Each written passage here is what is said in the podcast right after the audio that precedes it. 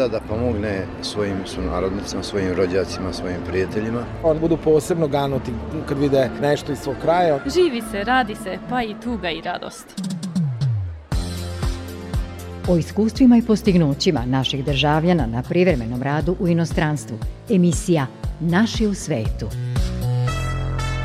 Dijaspora poziva Maticu, Matica odgovara Dijaspori. Granice ne postoje u mislima brižnih. Emisija Naši u svetu.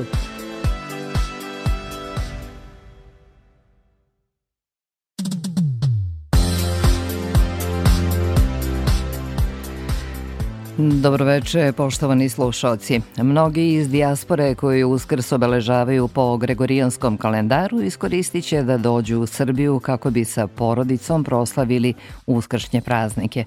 U narednih 40 minuta čućete poruke sa prve nacionalne konferencije Srbija naša porodica. Osim toga, Srbija i Republika Srpska najavljuju novi zajednički projekat. Ugostit ćemo harfistkinju Tijenu Kozarčić koja je posle usavršavanja u Australiji ostala tamo. Za tonskim bultom je Daniel Manojlović, ja sam Tatjana Miražić.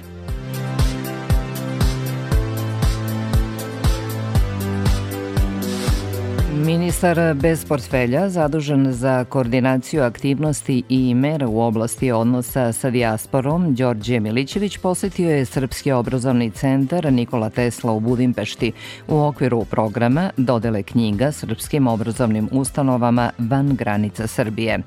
On je prilikom uručivanja bukvara, lektira za niže razrede i drugih knjiga za biblioteku na srpskom jeziku istakao da je taj projekat pokrenut u saradnji sa Ministarstvom prostora prosvete i uz podršku izdavačke kuće Vulkan, koje je zahvalio na donaciji i doprenosu očuvanja srpskog jezika i kulture.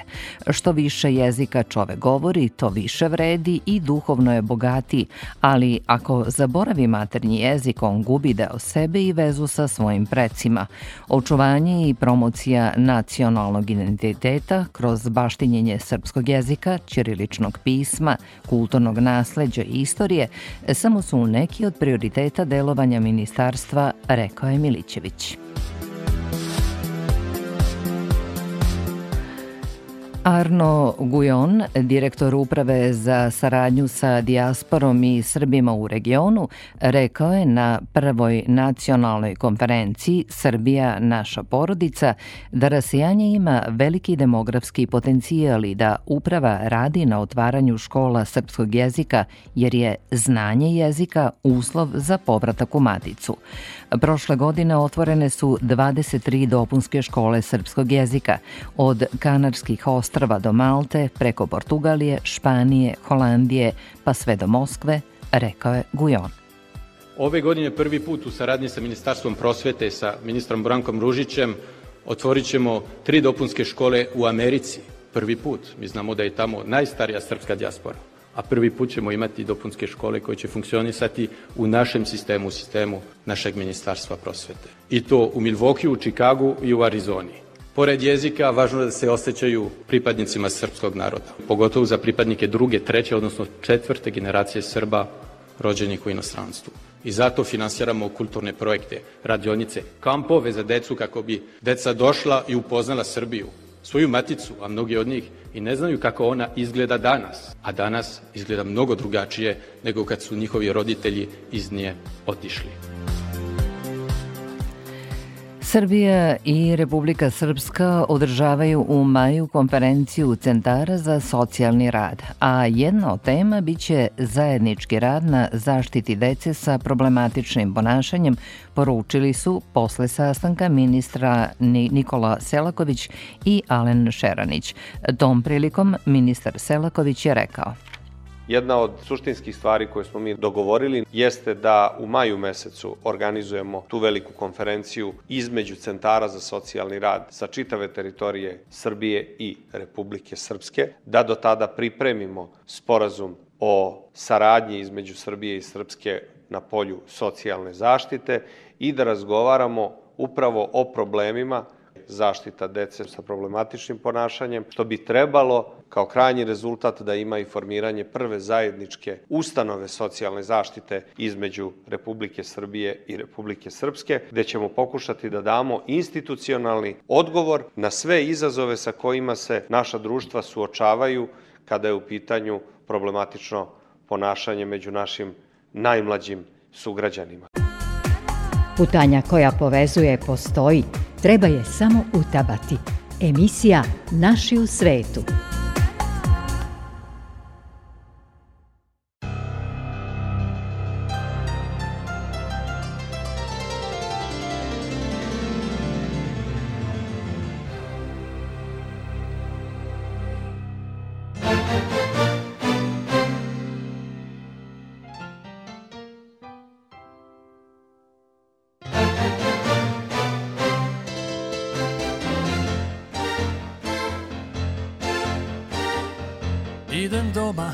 kasni je sat Ona me čeka, sva topla i meka Da ne more spat Ja ljubim sve tiše, jer ništa joj više Ja ne mogu dat Nešto me guši Leži na duši Zna i ona da me je sram Šta krajnje sam lega ramenima slega jer ne zna ni sam Šta da joj kažem bez da joj lažem i tugu joj dam Nešto me guši Leži na duši ja sam volija nju Dušo ni ti Sad se moram sve to podom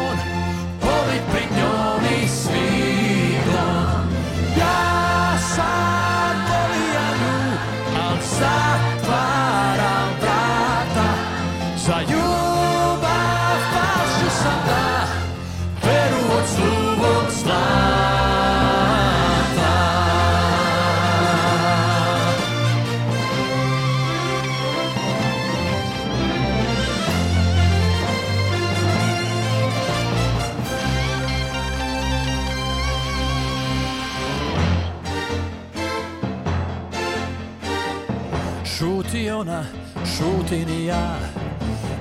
smo dugo, jedno kraj drugog, ka noć i dan.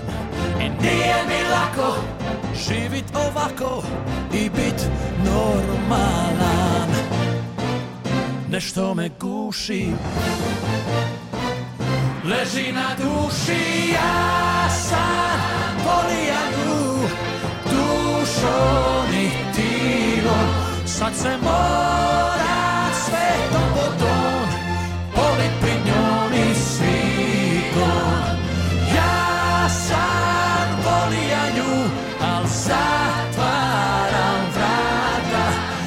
you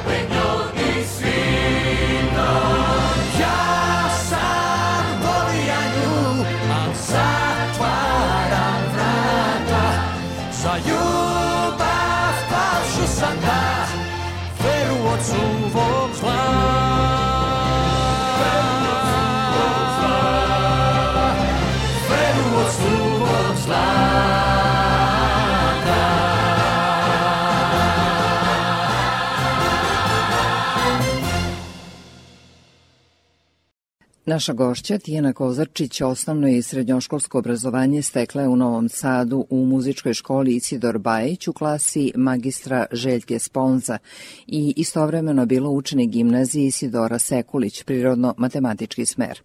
Za vreme školovanja osvajala je nagrade na republičkim takmičenjima muzičkih i baletskih škola, međunarodnim takmičenjima mladih muzičara Petar Konjević i na međunarodnim takmičenjima društva Harfista Slovenije u Belenu okruženju. Pohađala je majstorske kurseve kod eminentnih svetskih harfista u okviru festivala Harfi, kao i internacionalnih kurs harfe u Kijariju u Italiji kod svetski poznatih pedagoga i harfistkinja Elizabeth Fontan Binoche i Anne Loro. Od 2016. godine Tijana nastavlja profesionalno usavršavanje na master studijama na Queenslandskom konzervatorijumu Griffith Univerziteta u Brisbaneu u Australiji. Živi u Melbourneu gde radi i kao predavač. Dobroveče Tijena i dobro nam došli u Maticu, našu matičnu kuću RTV. Dobroveče. E, nisam slučajno rekla da je ovo matična kuća, da li je možda ljubav prema muzici upravo počela u Radio Novom Sadu? Pa verovatno jeste, moj otac je, pre nego što sam se ja rodila, u orkestru RTV-a, tako da on je stalno snimao i stalno svirao recimo u Studio M. Moja majka verovatno nas dovodila vrlo često na njegove koncerte, ali u suštini njegovi koncerti van RTV-a takođe su probudili tu neku ljubav prema muzici. Šta je muzika za vas i kako ste se opredelili za harfu? Muzika za mene je nešto što mi otprilike hrani dušu. Znači to nije samo posao ili samo hobi da se ne bavim time profesionalno. To je nešto što ja zaista volim da radim i svaki dan imam poriv da sednem za harfu, barem nešto da odsviram. Ja sam sasvim slučajno počela u stvari da sviram harfu zato što tata i ja smo se inicijalno dogovorili da ću ja da izađem na prijemni ispit za gitaru. On je meni u stvari, pošto sam ja bila toliko mala da nisam ni mogla da čitam, on je meni pročitao zašto ja sve izlazim na audiciju kad izlazim na audiciju za jel gitaru. I između oslog on je pročitao harfu i ja sam rekla, aha, dobro, ja hoću harfu. I on je pokušavao da me vrati na gitaru, jer je gitara je onako manji instrument, lakše za nositi i nekako popularnije i onako i u društvu i tako.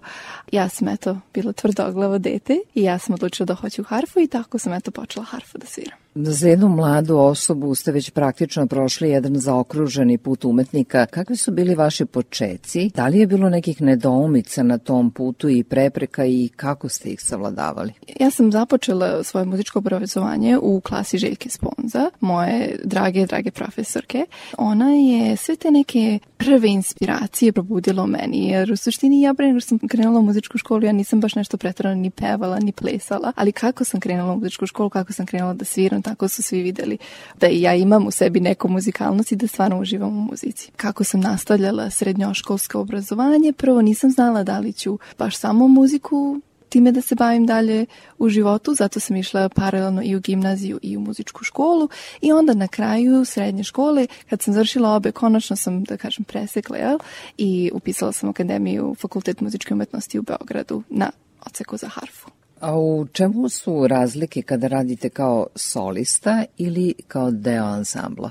kao solista uglavnom imam više slobode da biram program, ne zavisim od nekoga recimo što se tiče proba ili recimo ne moram ja da pratim nekoga, čak i kad sviramo zajedno ima malo više slobode i u suštini ja sam jel sa svojom harfom sama na sceni. Ja odlučujem svaki aspekt svog nastupa. Kada sviram u ansamblu ili recimo sad ja često sviram sa orkestrima u Melbourneu. Tu je dirigent, tu su ostali muzičari i ja moram više da se nekako uklapam. E, naravno, harfa često ima svoje neke solističke delove ili neke a, momente u kojima se baš onako lepo čuje i u suštini uglavnom je ona sama ili samo uz malu pratnju u orkestru, jel, da bi se čula što bolje ali uvek je taj neki element slušanja ostalih, uklapanja u tu neku celinu orkestra, praćenje i vizuelno, a u suštini je jeli, sluhom e, šta oni rade, šta dirigent želi od nas da mi uradimo. Jedno je vrlo samostalno i ja sam sama svoj šef,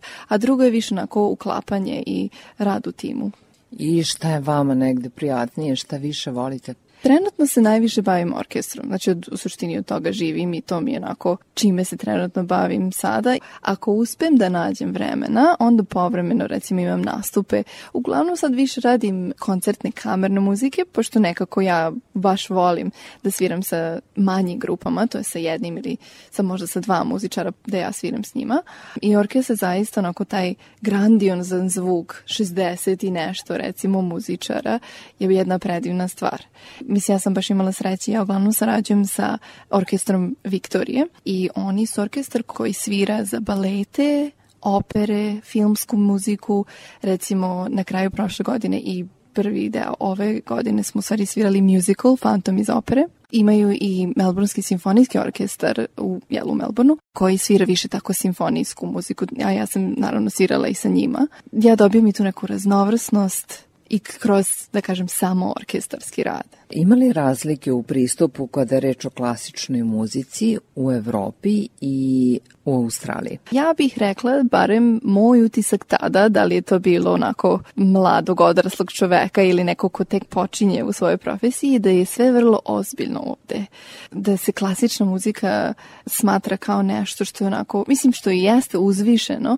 Sad sam ja došla do tog nekog stepena u svojoj karijeri gde mi je muzika više uživanje, za uživanje publike, da to ne mora da bude stalno ozbiljna muzika, da to ne mora da bude stalno teška muzika.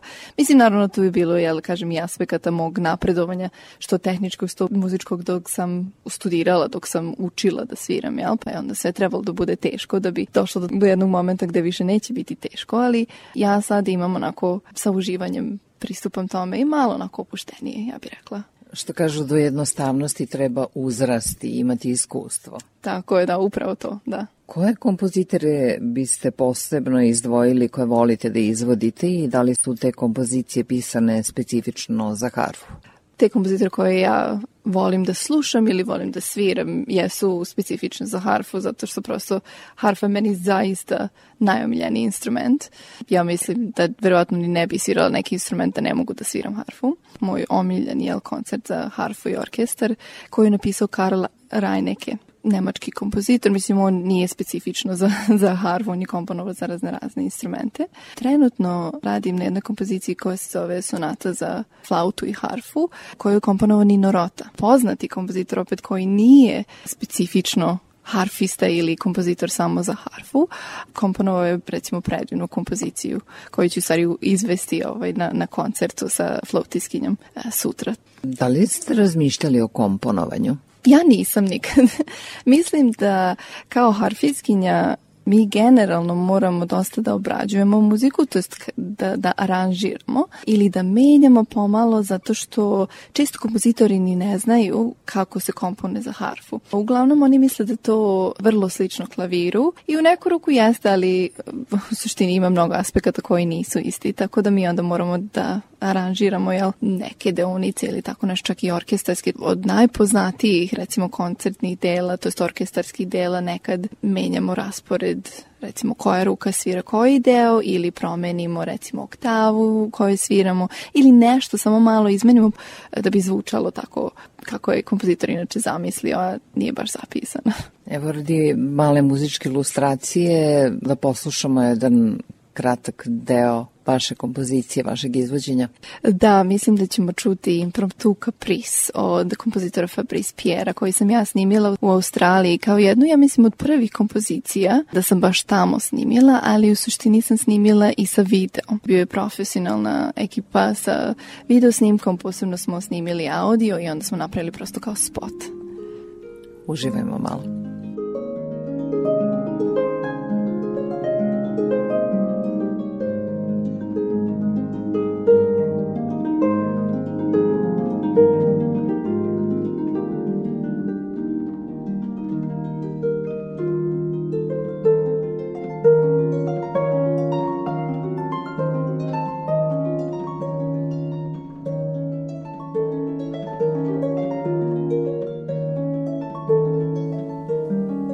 predmete predajete u Australiji, odnosno u Melbourneu i kakav je vaš odnos prema predavanju? Pa ja uglavnom predam harfu, ali sklopom okolnosti, zato što je njihov sistem učenja instrumenta takav, ja ujedno predajem i recimo solfeđu i teoriju. Oni uglavnom nemaju posebnu nastavu tih predmeta, recimo solfeđe i teorije, nego mi to u sklopu praktičnih časova harfe moramo da ih naučimo i teoriju, to je recimo ritam, čitanje nota, kasnije jel, harmoniju i tako dalje. Ja recimo imam dva ili tri radna mesta iako radim samo sa jednim sa jednim đakom ili u jednoj školi ili tako. Drugačiji sistem, ja mislim, drugačiji je pristup učenju instrumenta. E, svi muzičari moraju da grade kod đaka veoma zaokruženo muzičko obrazovanje i oni su u suštini uglavnom jedini izvor svog muzičkog znanja, znači uključujući i praktično i teorijsko. Pretpostavljam da ne dolazite često, Australija nije tako blizu, imate puno obaveze i puno posla. Koliko dugo već sada živite u Melbourneu? Koliko često dolazite ovde? U Melbourneu živim od juna prošle godine pošto smo moj muž i ja do tada bili u suštini u Brisbaneu. Tu sam ja i studirala u Brisbaneu. Mi smo oko šest godina bili u Brisbaneu i onda smo se, eto kažem, znači prošle godine preselili u Melbourne. A što se tiče dolaska u Srbiju, u suštini pre ove cele pandemije i situacije sa zabranom putovanja i tako dalje, e, mi smo dolazili e, jedan put ili dva put čak godišnje. I uvek smo imali dogovor sa mojom porodicom, bilo mamom i tatom, bratom ili nekom malo daljom rodbinom, da neko dolazi kod nas, definitivno jednogodišnje, mi ćemo barem jednogodišnje u Srbiju i to je u suštini funkcionisalo neke dve, tri godine dok jel se nije desila pandemija gde je e, Australija u suštini bila, da kažem, zaključena, znači mi nismo mogli da izlazimo iz Australije i čak u jednom trenutku nismo mogli da putujemo među tim državama u Australiji, recimo Brisbane u Queenslandu, a Melbourne je u državi koja se zove Victoria. Oni su isto tako pozatvarali svoje granice, ali moram da priznam e, da smo mi imali puno sreće u Brisbaneu, zato što Brisbane nije imao toliko slučajeva i naši oni kao lockdownovi i sve te neke restrikcije u suštini su prilično brzo popustili sa time. Znači, recimo već u nekom maju smo mi se vratili skoro normali, naravno sa maskama i sa onim social distancing, kako oni su to zvali, ali već su se recimo vratili bili koncerti, tako da prilično brzo se to vratilo u normalu.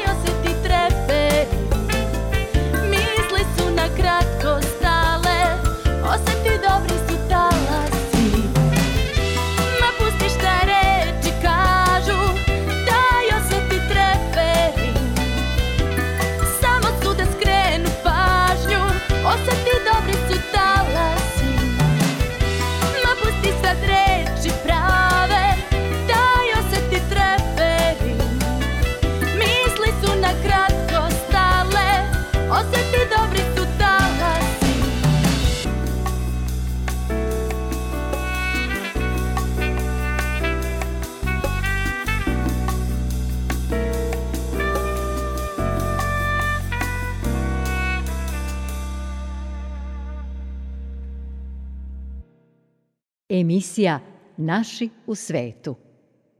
Podsećam vas, e, naša gošća u studiju večeras u emisiji Naši u svetu je e, Tijana Kozarčić, harfistkinja koja živi i radi u Melbourneu u Australiji.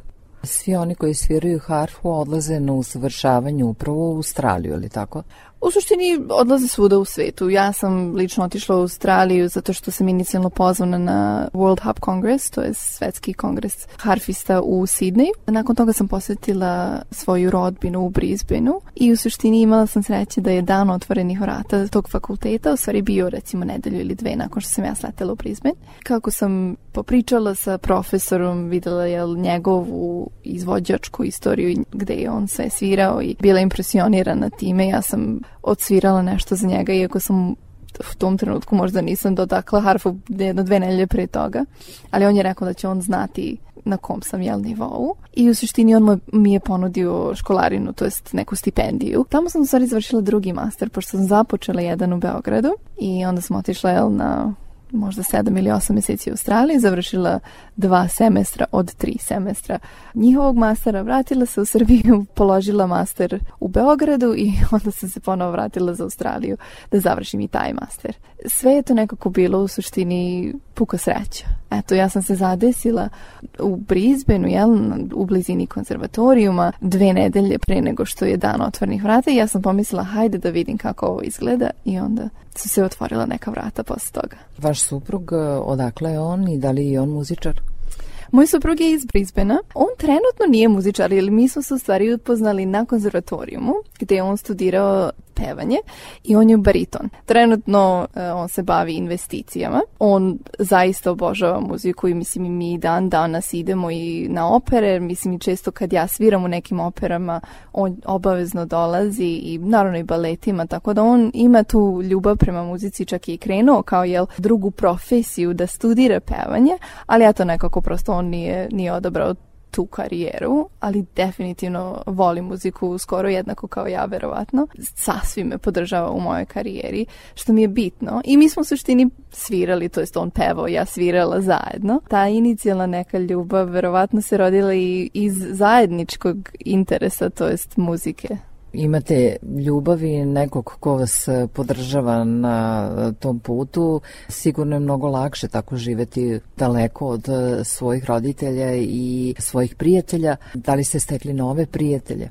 Jesam. E, I Brisbane i Melbourne su mesta u kojima su ljudi tako topli i tako žele da pomognu. Bilo da su australijanci, čak sam upoznali nekoliko e, naših ljudi koji su se, jel, ili poreklom iz Srbije ili su se baš jel, rodili u Srbiji pa su onda isto tako nekako svoje školovanje ili svoju karijeru nastavili u, u Australiji. Imam sad dosta dobrih prijatelja tamo Čak, e, recimo, jedna čeliskinja, ona je iz Beograda, ona je originalno iz Srbije, mislim, završila je studije i u inostranstvu, ali završila nekako u Australiji. Recimo, ona mi je sjajna prijateljica sad u Melbourneu, kažem, znači, eto, možda sam 6-7 meseci koleginice harfikskinje su isto u Melbourneu jako kolegijalne i stvarno žele da pomognu, što je bitno, mislim, ako je teška sredina, to ako su teški ljudi, onako nekad je teško naći se u određenom mestu, ali mislim, baš stvarno moram da priznam i orkestar i drugi muzičari su me baš onako prihvatili. Ja zaista zahvalna sam na, na svemu što imam tamo, iako naravno ja nemam još porodicu tamo. E, ja se nadam da ću ja u suštini brata dovesti u Australiju, pošto i on sad završava studije, možda da da on nešto nastavi tamo, što više da vidim i da dovodim i prijatelje i porodicu tamo i da ja dolazim ovde stalno, tako da A šta je ono što vam se u Australiji dopada e, kada ovo uporedite sa Srbijom? Australija je dosta drugačija. Ne mogu da kažem da mi sad nešto lepše nego u Srbiji. Srbija će uvek biti, mislim i Novi Sad će uvek biti moj omiljeni grad. Srpsko gostoprimstvo, način na koji ljudi se vesele i to će uvek biti e, onako imaće neko posebno mesto u mom srcu. Ali i ljudi u Australiji su prilično topli Oni će uvek da te pozdrave i da pitaju kako ti je dan. To je vrlo uređena jedna država, tako da i taj aspekt mi se sviđa. Čuvaju svoje muzičare, recimo mi na svakoj probi, na svakom koncertu imamo e, monitoring zvuka, znači da li je jačina zvuka, da li je jako glasno, da li nama trebaju čepići za uši, koji naravno oni sve daju. Tako raznorazni uslovi su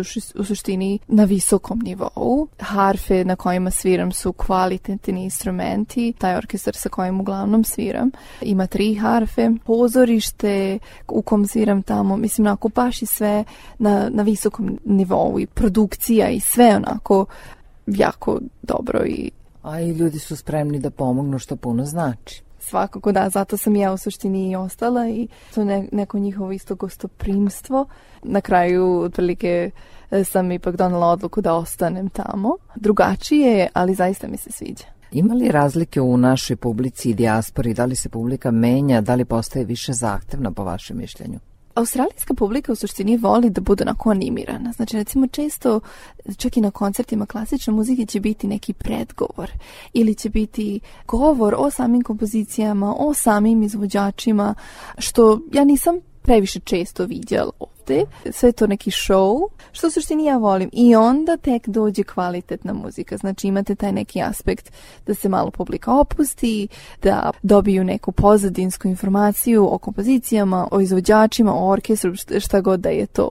I onda se ulazi u tu neku muziku gde oni mogu da prosto dobiju pun doživljaj. Šta bi sad mogli čuti još e, malo radi ilustracije naše priče? Pa evo, mogli bismo da čujemo legendu od Ilije Marinkovića. To je kompozicija koja mi je inače donela priliku da odem za Sidney, to je na Svetski kongres Harfi, jer su oni birali na osnovu snimaka i taj snimak je bio snimak koji me je odveo tamo, to je na osnovu kojeg su me izabrali. Tako da te možemo to da čujemo.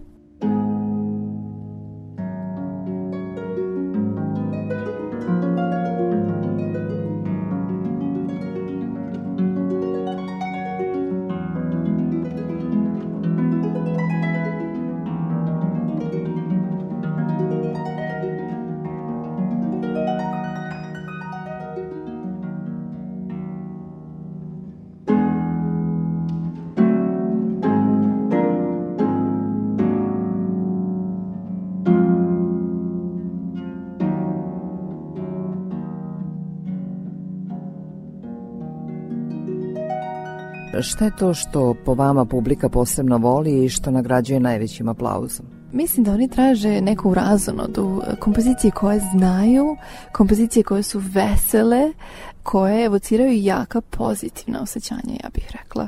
Sada kada ste i sami predavač, postoji li razlika u pristupu načina predavanja i ocenjivanja kod nas i u dijaspori, tačnije Australiji? Pa što se tiče načina predavanja, to je ono što sam rekla, u suštini mi učenicima moramo da budemo sve, i nastavnik solfeđa, i nastavnik teorije, i onda jel nastavnik instrumenta, tako da to je, da kažem, glavna razlika. Nemam previše ocenjivanja kod njih.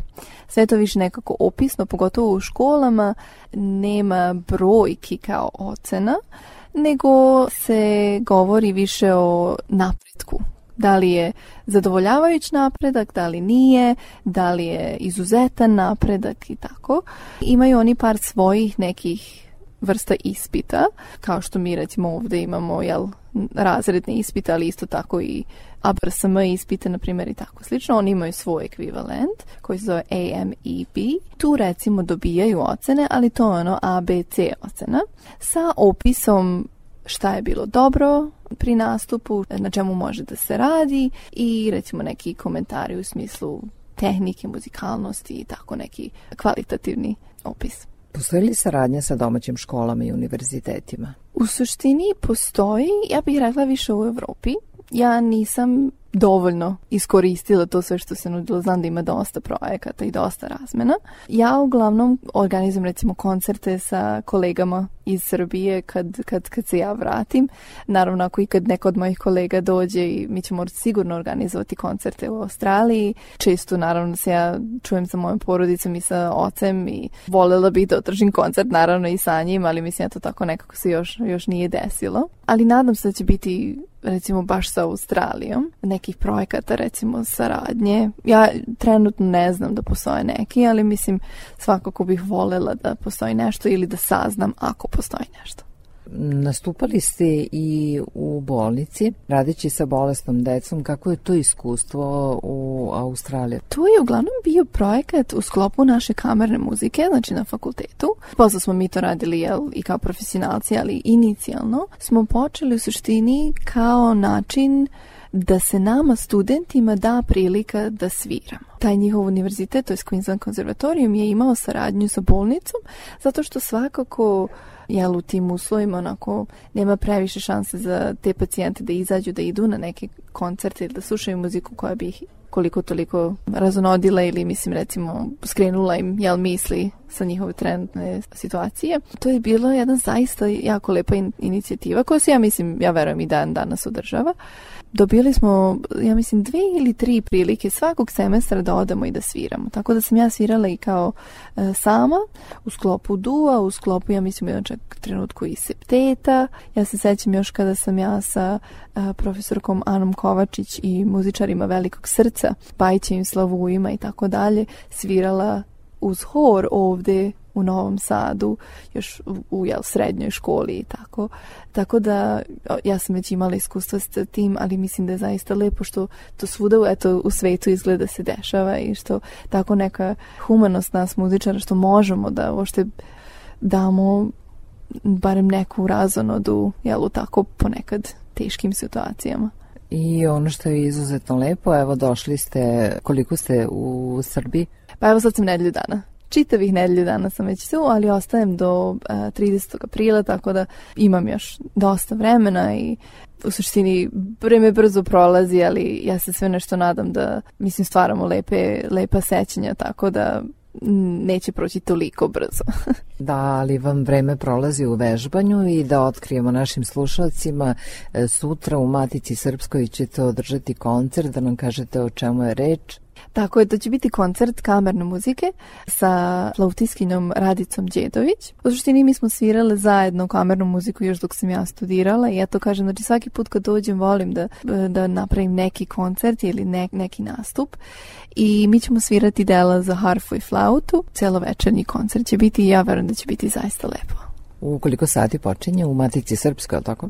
E, u galeriji Matice Srpske, da, u 6 sati uveče, znači 18 časova. U galeriji Matice Srpske od 18 časova, a vi vredno vežbate i sada ste izdvojili vreme za emisiju Naši u svetu. Hvala vam najlepše. Hvala i vama. Nadam se da će biti dosta publike na koncertu i da će ovaj recimo intervju natrati eh, na razmišljanje publiku recimo o nekom putovanju ili o, o tome kako je biti muzičar u inostranstvu i da će se mladi ljudi ne iz neke nezadovoljnosti ovde, nego prosto da bi gle, videli kako to izgleda u svetu, otisnuti u svet čisto da vide i da slušaju muziku. Hvala. Hvala i vama. Emisija Naši u svetu.